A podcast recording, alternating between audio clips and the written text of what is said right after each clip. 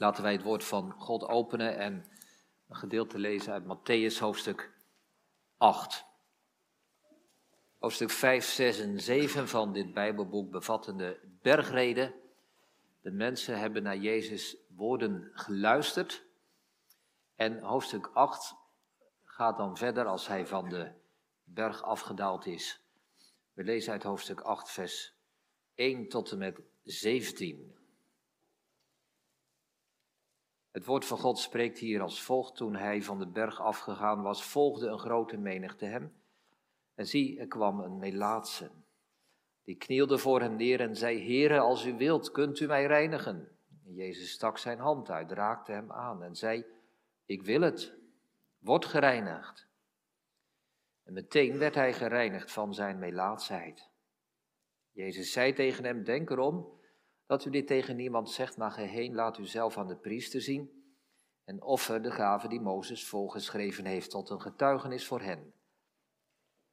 Toen Jezus Capernaum binnengegaan was, kwam er een hoofdman over honderd naar hem toe, die hem smeekte, Heere, mijn knecht ligt verlamd thuis en lijdt hevige pijn.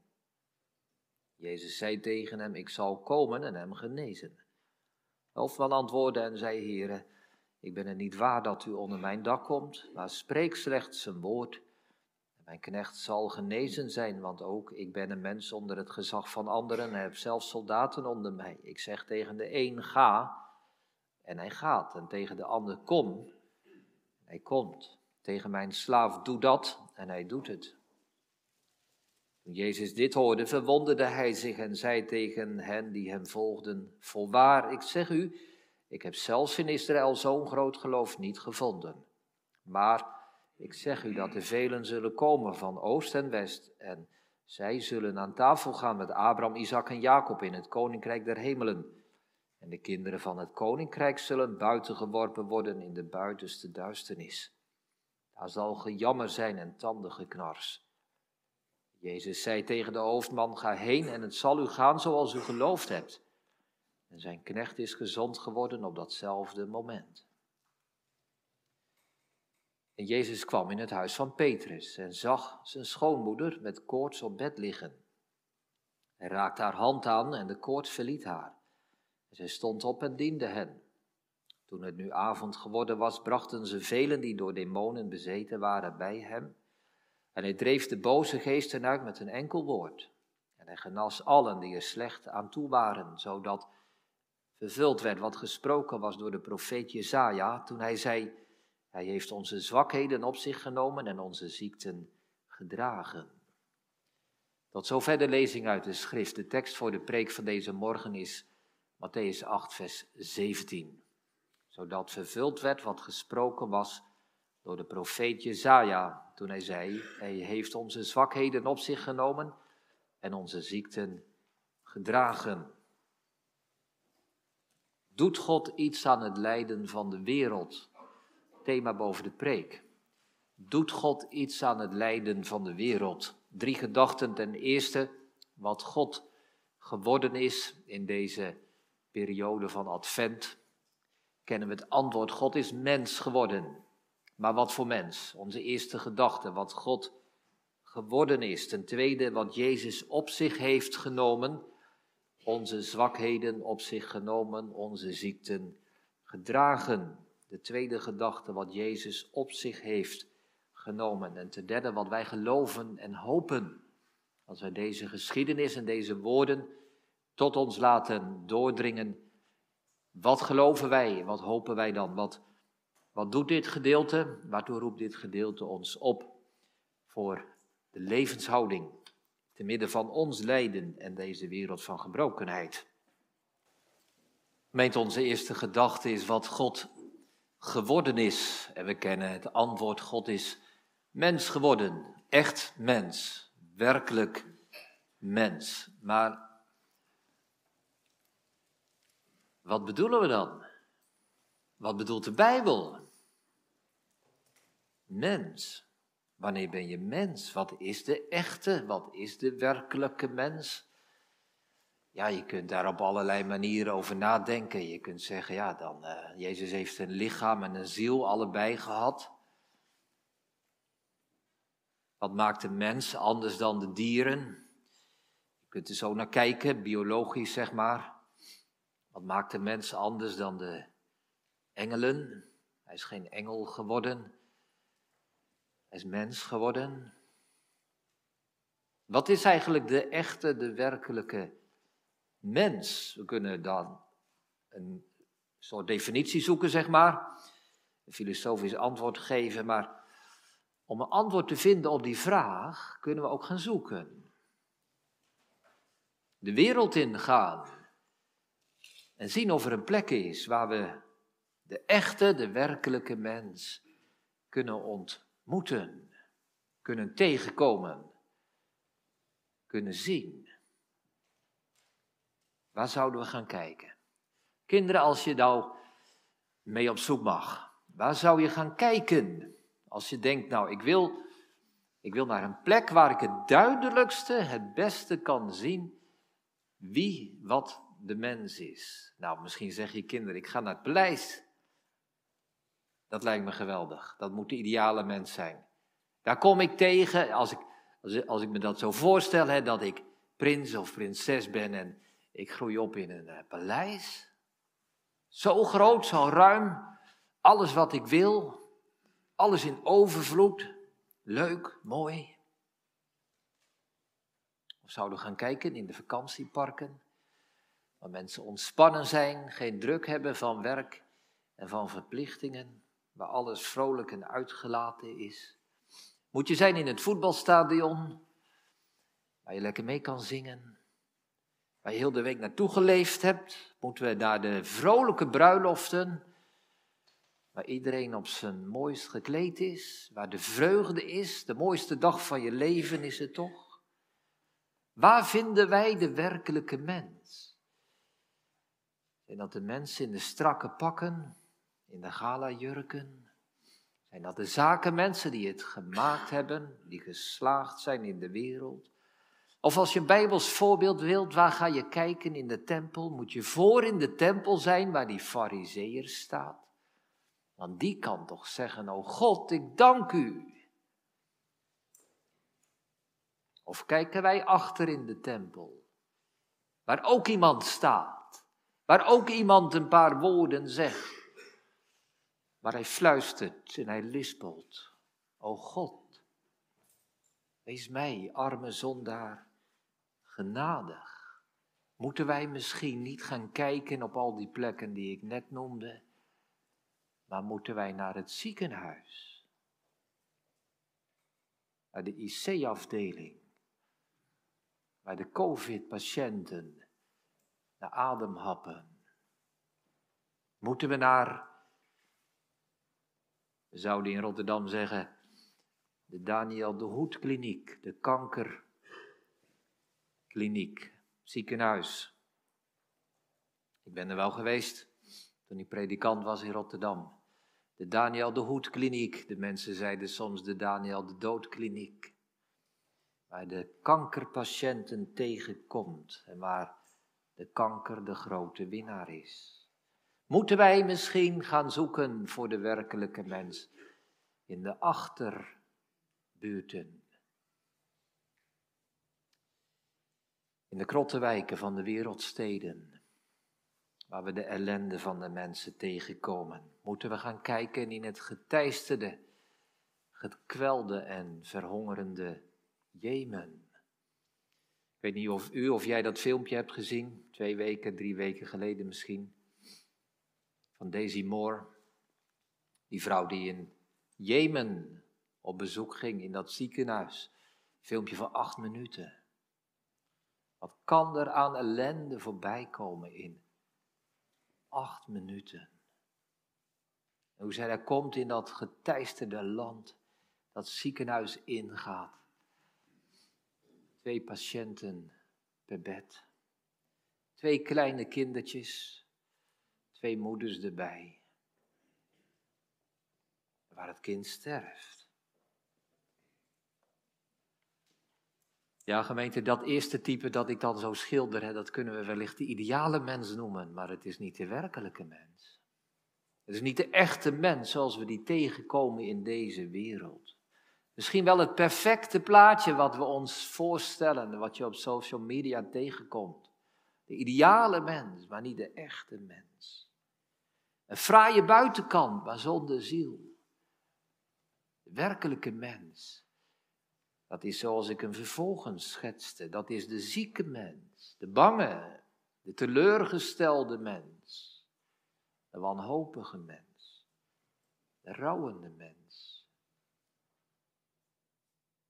De mens, de mislukte mens, dat is de echte mens. Zo vinden we hem getekend in Matthäus 8. De tekst is vers 17, maar we hebben die versen daarvoor gelezen omdat we drie voorbeelden van de echte mens tegenkomen.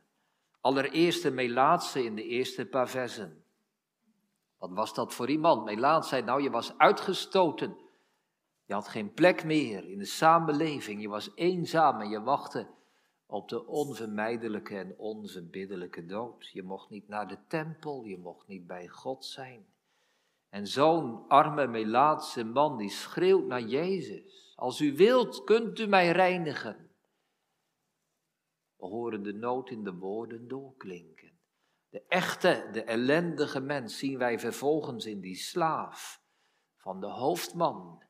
Hij was ernstig ziek en hij lijdt, zegt vers 6, hevige pijn. Maar hij was een heiden, hij was een slaaf, hij was een stuk bezit. In het land van de Joden telde hij niet mee. Maar Jezus ziet hem. De ellendige mens. Nog een voorval, nog een voorbeeld. Vers 14, de schoonmoeder van Petrus die met koorts op bed ligt. En het is goed gemeend om te weten dat als mensen vroeger, tot, misschien wel de 18e eeuw toe of zo, maar als mensen op bed gingen liggen, dan was je wel zo ziek je ging niet op bed liggen als je een beetje koorts had of als je een beetje beroerd voelde. Als je op bed ging liggen, dan had je grote kans dat het je sterfbed zou worden. Dus deze vrouw heeft maar niet een griepje of zo. Dus even wat eerder gaan liggen, maar deze vrouw is stervende, ernstig ziek. Dat zijn de mensen, de echte mensen, de werkelijke mensen. En daarom gemeente die eerste gedachte wat God geworden is, is misschien een wat lange aanloop, maar ik denk dat het goed is op deze Adventszondag. Als wij beleiden dat God mens geworden is. Wat voor mens is Jezus geworden? Een echt mens. Zijn we er dan als we zeggen, ja, hij had een echte ziel, hij had een echt lichaam? Nou, dan zijn we er nog niet. Is hij dan die ideale mens geworden, perfect en goed in alle opzichten? Nee, gemeente, hij werd de werkelijke mens. We kunnen dat antwoord natuurlijk, ja, je voelt het aankomen bijna in de preek, maar, maar wat is dat, hè? dat Jezus werkelijk mens geworden is? Hoe vaak zien wij Jezus toch niet ergens als de ideale mens? Nou ja, hij had inderdaad, hij had honger en hij had dorst en zo, dat weten we wel, maar voor het weten blijft het daar steken. In ons denken over Jezus. En voor het weten is Jezus toch vooral die, die onbereikbare mens, die bijna sereen door het leven ging of zo. Ons grote voorbeeld, de navolging van Christus, zo zou ik ook moeten leven. Wat moet Jezus doen? Een voorbeeld, maar ik kan het niet. Om jaloers op te zijn, stel dat ik zo mocht leven als Jezus, maar dat is natuurlijk onbereikbaar. Nou gemeente, vanmorgen mogen we die gedachte van ons afschudden. En horen wij dat Jezus werkelijk mens is geworden. Niet de man van de sterren, maar de man van smarten. Werkelijk mens. Hij werd die zieke, die bange, die teleurgestelde, die verloren mens. Die mislukte mens stervende en rouwende. Jezaja 53 zegt het, hij was veracht, de onwaardigste onder de mensen, een man van smarten, komma, bekend met ziekte. Bekend met ziekte. Hij kwam ter wereld als een kind van een dakloze vrouw. En als klein kind moest hij al het vege lijf zien te redden. En vluchtte hij naar Egypte.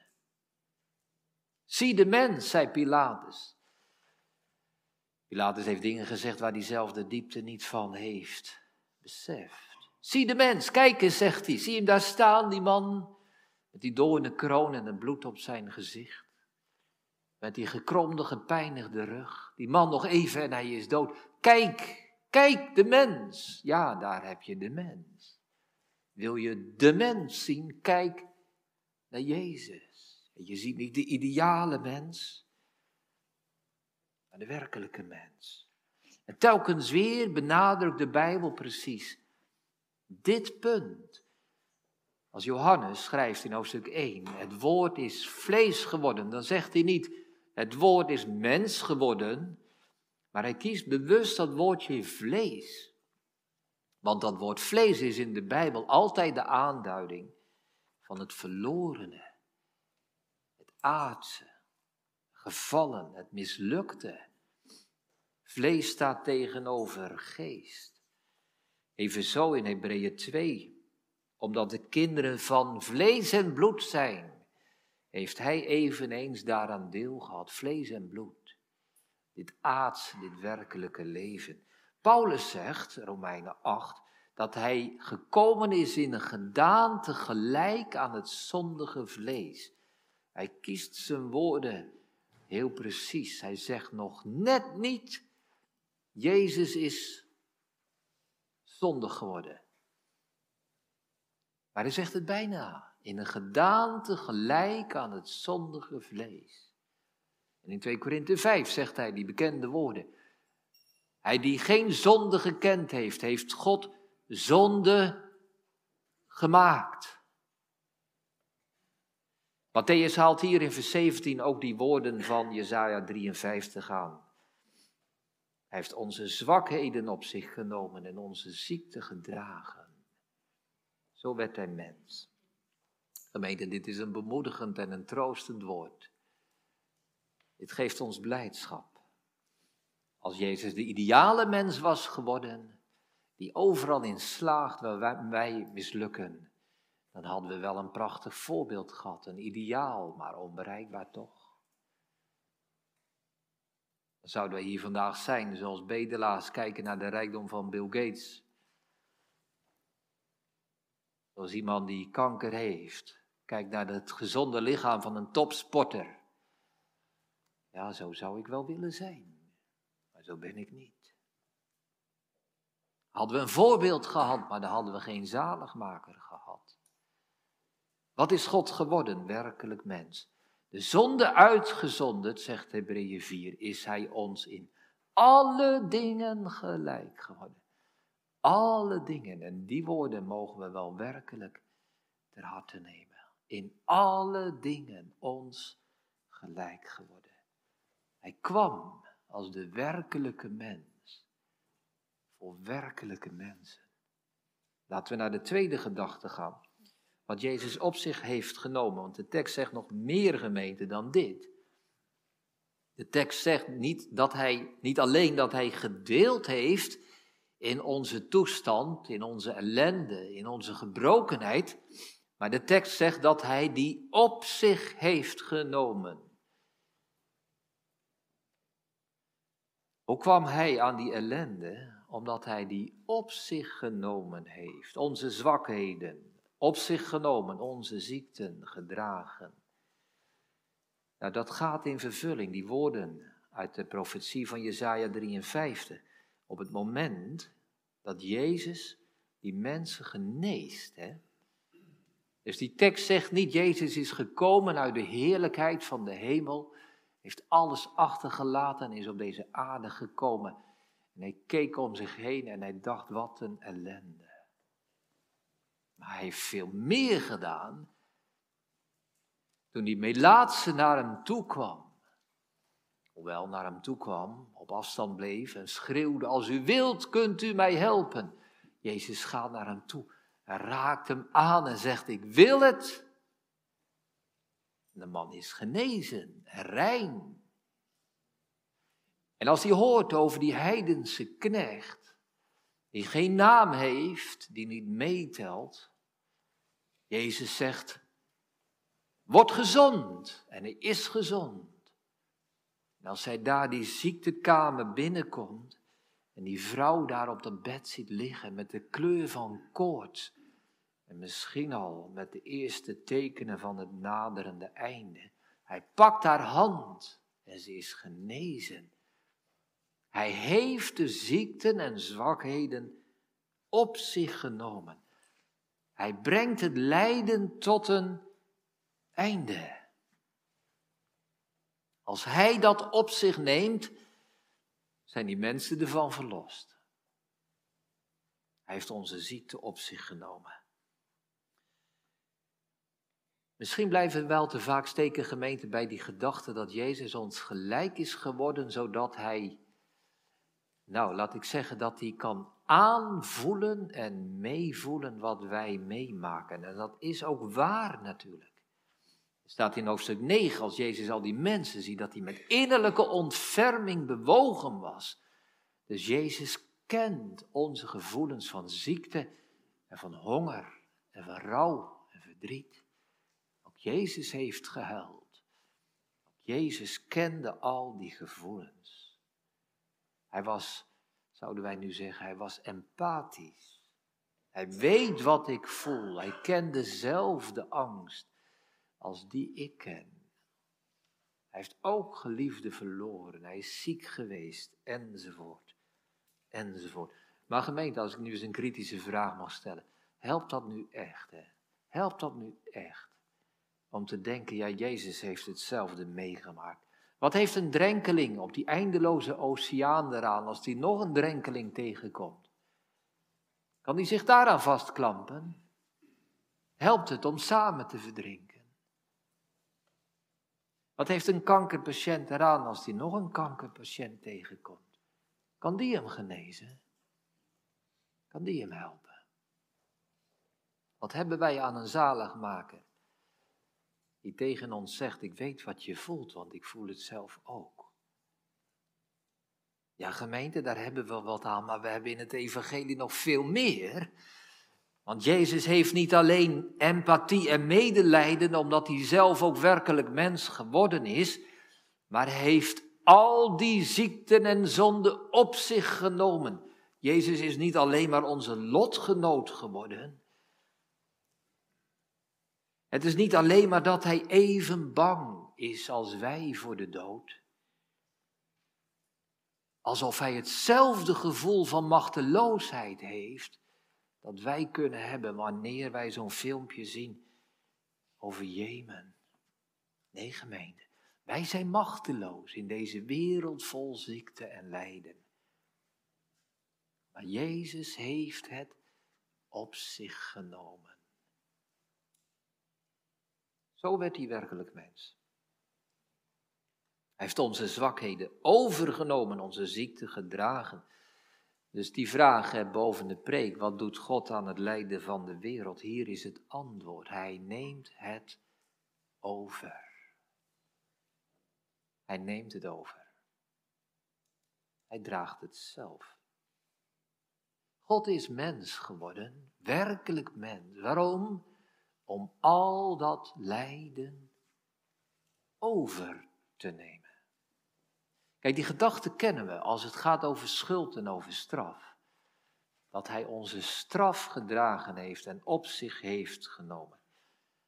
Die gedachte kennen we, die beleiden wij. En dat zegt de Bijbel ook keer op keer. Maar gemeente, maar gemeente, beseffen we dat Jezus net zo goed het lijden op zich heeft genomen.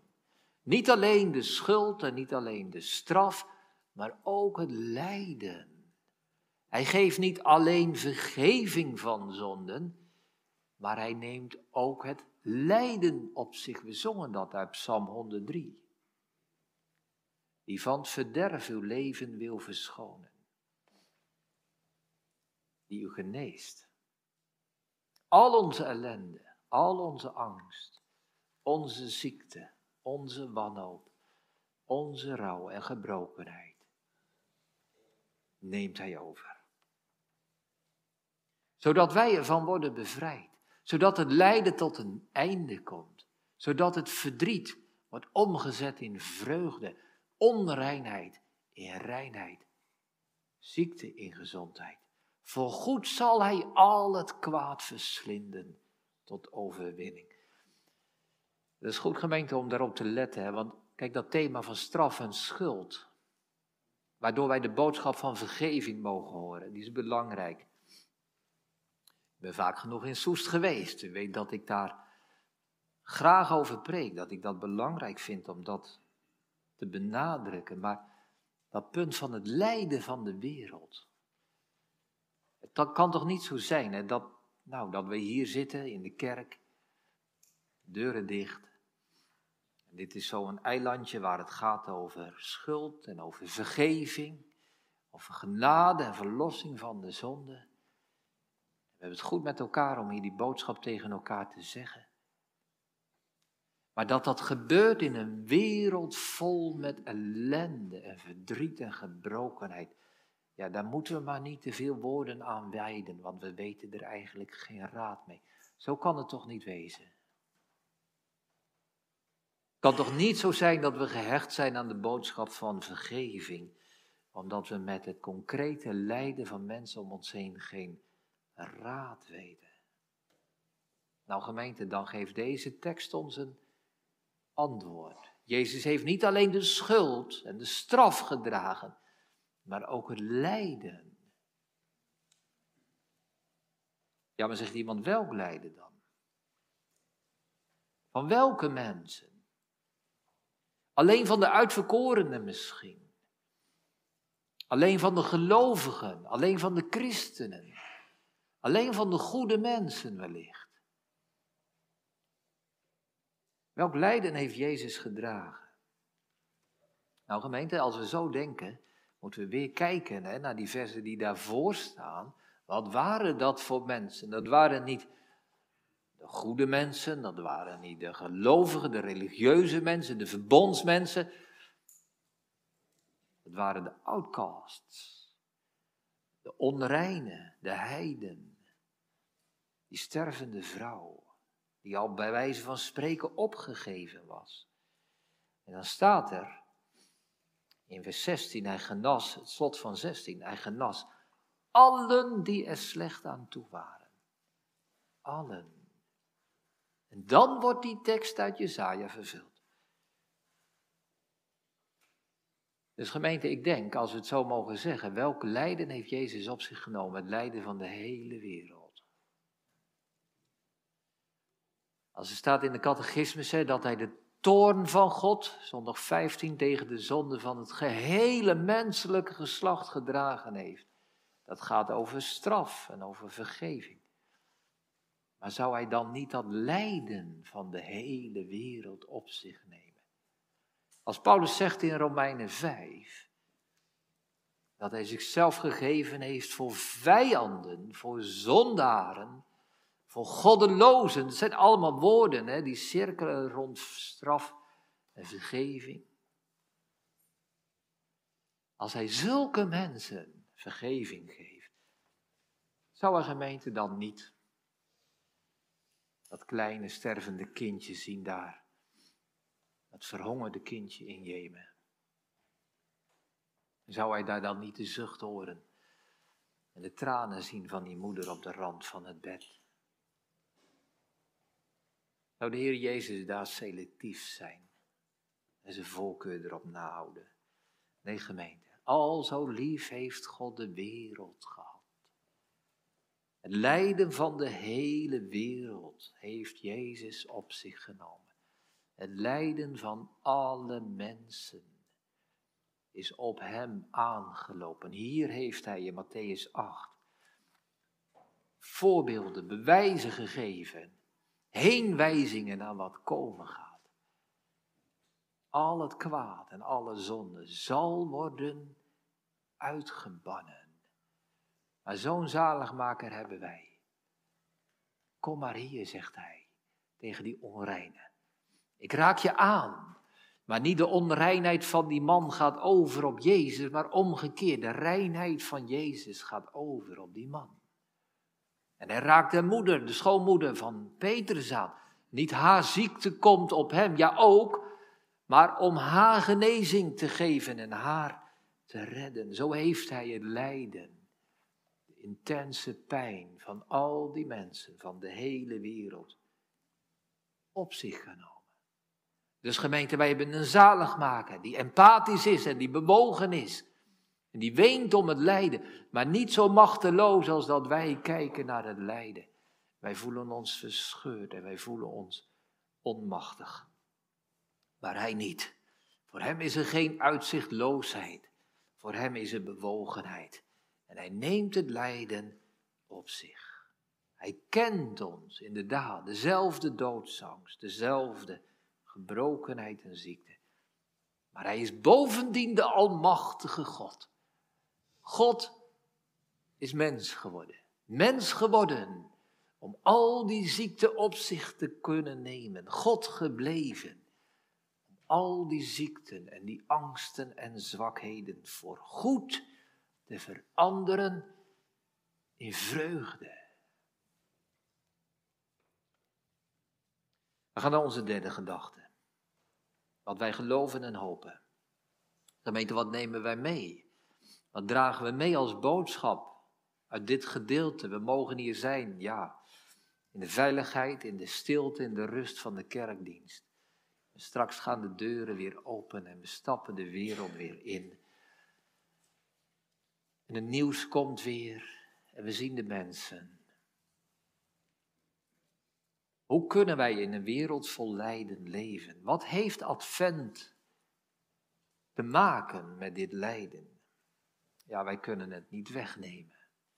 Wij zijn Jezus niet.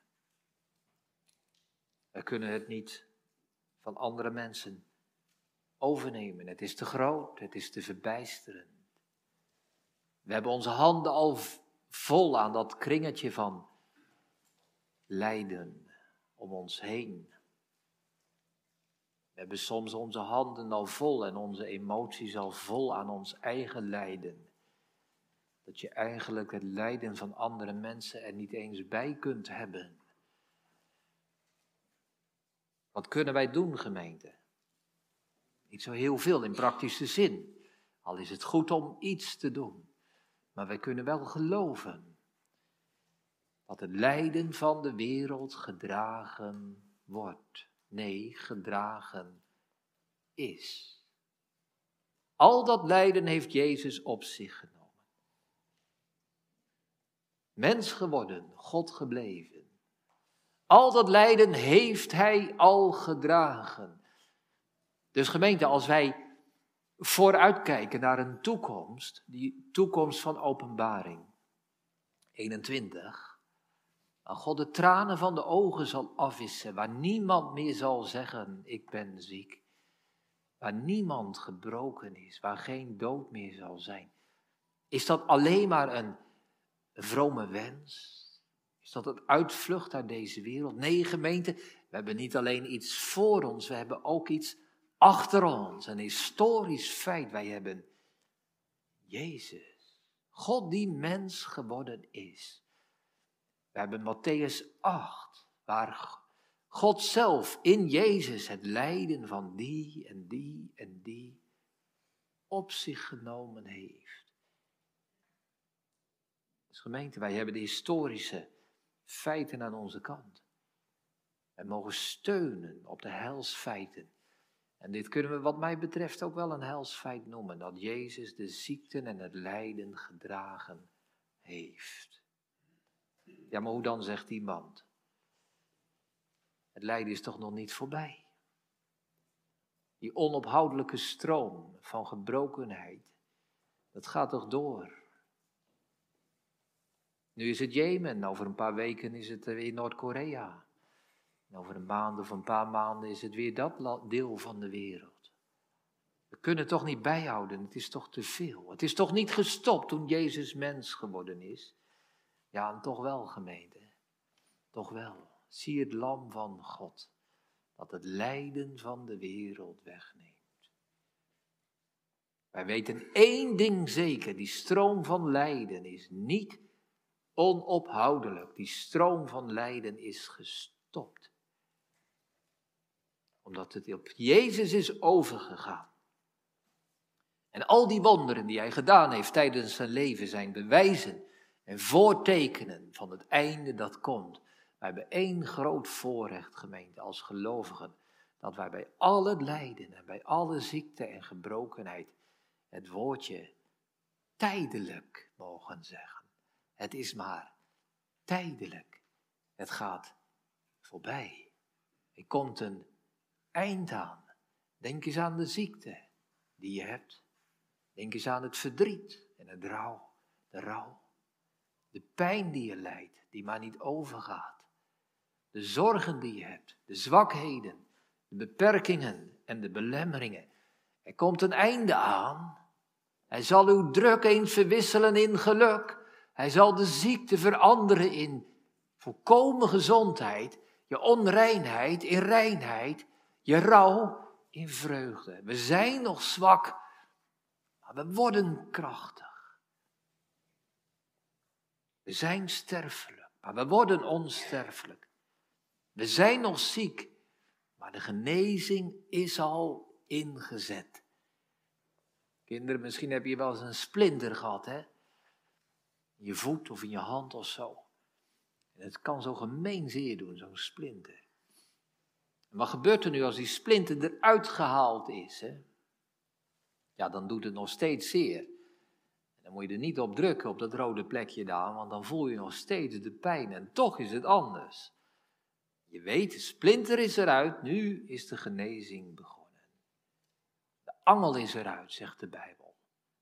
De angel van de dood.